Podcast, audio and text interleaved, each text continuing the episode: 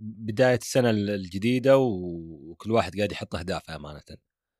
يعني تجلس ويا الشباب ولا تجلس مع مجموعتك اللي دائما تطلعون وياهم ولا تجلس وياهم. فجأة تشوف كل شخص يقول لك أنا عندي الهدف الفلاني وأنا عندي الهدف الفلاني وأنت تتمنى لهم الخير. يعني أنت منت ضدهم ولست ضد هذه الأهداف ما دامت لا تخالف الدين ولا الشريعة ولا القوانين اللي في البلد عندك ولا أي مجتمعي هي أهداف شخصية رائعة وجميلة وتتمنى لهم الخير. طبعا في لحظة تأمل وكل واحد قاعد منشغل في الأهداف تبعه وإيش حقق السنة اللي فاتت وإيش الأشياء اللي كان آه، غير جيد فيها ويحاول إنه يحسن فيها هذه السنة. تظل ساكت للحظة تتأمل الموقف لين تعرف انه وش هدفك لهذا السنة؟ هذا السؤال لما جاني جاء كصدمة يعني أمانة يعني. أوكي يعني أوه إحنا بهنسوي وهنفعل ونروح ونجي. بس فعليا السؤال لما كان الهدف السنة اللي فاتت والسنة اللي قبلها والسنة اللي قبلها إن الواحد يكون بخير. يعني كانت هذه إجابته قال لك أنا اي ويش أنا أتمنى إني أكون بخير. طبعا يعني واحد تسولف وياه فجأة يقول لك الكلام هذا أنت تستغرب شنو صاير. يعني في ذا فجأة كذا كسر الكلام وكسر جميع القواعد والفرحة والضحكة والتخطيط إلى أتمنى اني اكون بخير. آه إلى إلى هذه الدرجة أنت مليء بتلك الجروح المؤلمة وذلك النزيف الذي لم يتوقف منذ تلك السنين أم أنك خائف من هذا المستقبل وبما هو قادم به وش اللي راح يصير فيه وش اللي راح يصير لي وكيف راح يصير لي ومتى راح أحصل ومتى ما راح أحصل. A lot يعني a lot of thinking a lot of dreams going on in his mind. أشياء كثيرة قاعدة تدور في مخيلته. طبعا از يوجوال جاء خالد ومسكه وقال له يلا خلونا نشوف إيش يدور في عقله وإيش يدور في مخيلته. وليش قال لي أنا أنا أتمنى إني أكون بخير؟ قال لي يا صديقي يا خالد أنا عارف إنك تحب تسأل وتحب تسحب الكلام وتحب تعرف إيش اللي يدور في مخيلة الأشخاص ولكن أتمنى فعليا إن هذه السنة لا تكون مليئة بالجروح ومهما كان نوع ذلك الجرح. تصنيف الجروح يختلف من شخص إلى شخص الشخص الأول يقول يمكن شخص ظلمني شخص آخر يقول ممكن شخص أحزنني شخص آخر يقول شخص غدر فيني شخص آخر يقول لك كنت وكنت أريد وحصل ما لا أريد. يقول أتمنى فعليا أن أن تمر هذه السنة بسلام. لا أريد أن أحصل على كل شيء ولكن لا أريد أن أخسر أيضا نفسي. أول ما قال لا أريد أن أخسر كانت توقعاتي يقول يعني ما أبغى أخسر كل شيء لكن قال لا أريد أن أخسر نفسي. الضغوطات اللي كانت تمر عليه الأيام اللي فاتت والسنوات اللي فاتت جعلت منه لا يريد أي شيء ليس أنه مكتئب لدرجة أنه لا يريد الحياة لا ولكن لا يريد أي شيء في هذه السنوات القادمة أو السنة الجديدة غير أنه يكون بخير. طبعا يعني خلونا نقول إن طلعنا برا الكافيه وصرنا نمشي الأجواء جميلة الآن في الفترة هذه اللي هي جانوري ديسمبر anyway, مسكت يده وقاعدين نمشي ونقول ها شنو صاير؟ شنو فيك؟ ومن هالكلام. قام يقول لي السنوات اللي فاتت أنا كنت أمر بخيانات كثيرة. كنت أمر بطعنات من أقرب الأصدقاء والزملاء أو من أقرب الأفراد إلي. كانت حياتي مبعثرة كانت حياتي أمانة مؤلمة للغاية. كانت حياتي عبارة عن سقوط كواكب في عقلي وسقوط مجرات كنت أتوقع أنها راح تكون مساندة لي أكثر من أنها تكون ضدي. فأنا أتمنى إن السنة هذه تكون بخير. طبعا أنا بديت. أقول له كيف راح تكون بخير؟ صف لي ما هو معيار إنك تكون بخير. ما هو معيار إنك تكون طيب ما هو معيار إنك تكون بخير؟ أنت الهدف هذا السنة هذه إنك تكون بخير. فقط أنت اختصرتها بهذه الجملة. فلازم تعلمني وش تقصد إنك تكون بخير. قال لي والله أبي أصحى وأنا ماني شايل هم. أبي أروح أداوم وأنا ماني شايل هم وش بيصير بكرة. كل الموضوع إنه يقول أنا أبغى أستيقظ لأعيش تلك اللحظة وذلك اليوم. أنا تعبت من إني أفكر وش بيصير بكرة. أنا تعبت من إني أكون صداقات وأكتشف إنهم ليسوا جيدين. أنا تعبت من التحليل المبالغ به لدرجة إني بديت أصنف جميع تحركاتي وجميع تصرفاتي وجميع رغباتي حيث الجودة وجودة الحياة وجودة آه، هذا الخيار أو مقياس سوء هذا الخيار. يقول فقط إني أبغى أعيش طفولتي.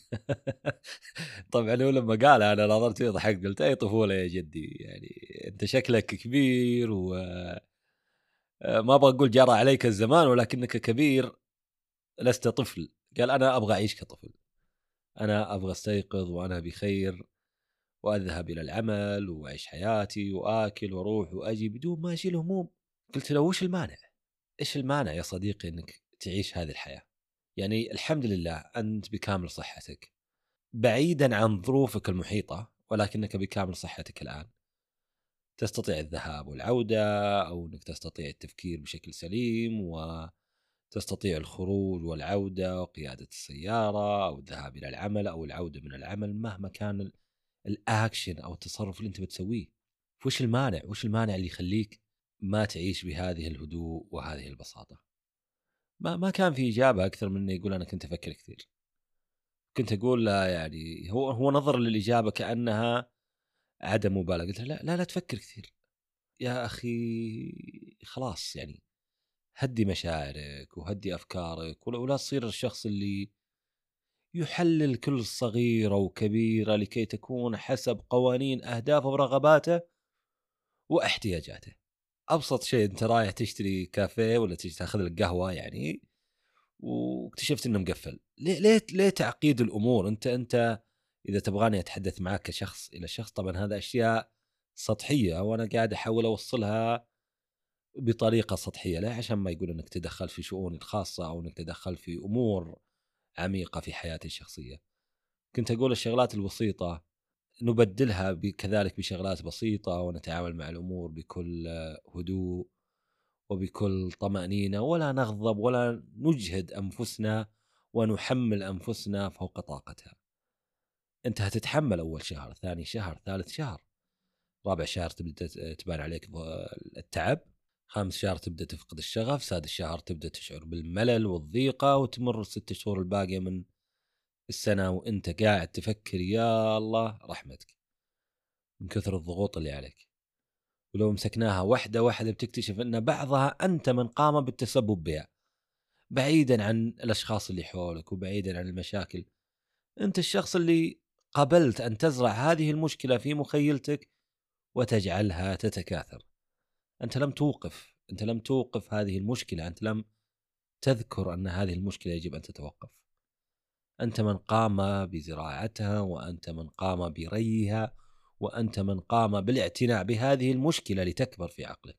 لا تجعل من المشكلة الصغيرة كبيرة تتكاثر. لا تجعل من الشيء البسيط اللي أوكي ممكن أزعل في لحظتي هذه وأشيل هم وأنساه. لا تجعله يكبر في عقلك. يعني يعني قولتنا العامية لا تكبر المواضيع. موضوع بسيط عاملة في لحظتها وأجد الخيارات الصحيحة في لحظتها أو بعد يوم يومين أسبوع على حسب نوعية هذا المشكلة التي حصلت لك أو هذه الصعوبات اللي تحاول إنك تعديها. وبعد ما تجد الحلول المناسبة سواء كانت هذه الحلول مناسبة لك أو غير مناسبة لك. يا أخي أصابعي ما هي سواسي وكذلك الحياة لن تكون مزهرة في كل يوم بالعكس يوم راح يكون آه، مطر اليوم الآخر راح يكون آه، جو جميل ولطيف واليوم اللي بعده يمكن تكون شمس حارقة. وراح اضطر إني أمشي من هنا إلين هناك عشان أحصل على لقمة العيش. ويوم آخر بضطر إني أمشي في يوم يعني برد قارس أو شيء عشان أوصل لشخص أنا أريد أن أكون بقربه أو أريد أن أكون بجواره.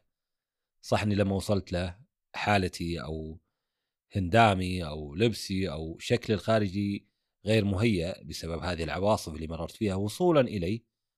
ولكني في النهاية أنا وصلت للهدف اللي كنت أبغى أكون وياه أو الهدف اللي كنت أبغى أوصل إني أكون ويا هذا الشخص أو إني أكون بخير أو إني أحصل على ما يسد جوعي أو إني أحصل على وظيفة. فالحمد لله نعم ممكن ما تكون مناسبة على حسب تصوراتك ولكن انظر إلى جوهر هذا الشيء اللي أنت قاعد تسويه. وليس الأشياء الظاهرية والخارجية. هو اللي يتعبنا إن الواحد يقعد يناظر بالشكل الخارجي وينسى جوهر أو موضوع الشيء الداخلي في الشخص. وليش هو قاعد يسوي كذا؟ وليش هو قاعد يفعل كذا؟ وإيش الهدف من هذه الأشياء؟ فأتمنى يا صديقي أنا ما ما ودي أقول اسمه. أنا دائما أقول يا صديقي عشان ما يعرف الاسم آه، أو تسمعون اسمه لكن يا صديقي أنا أتمنى فعليا إنك تكون بخير.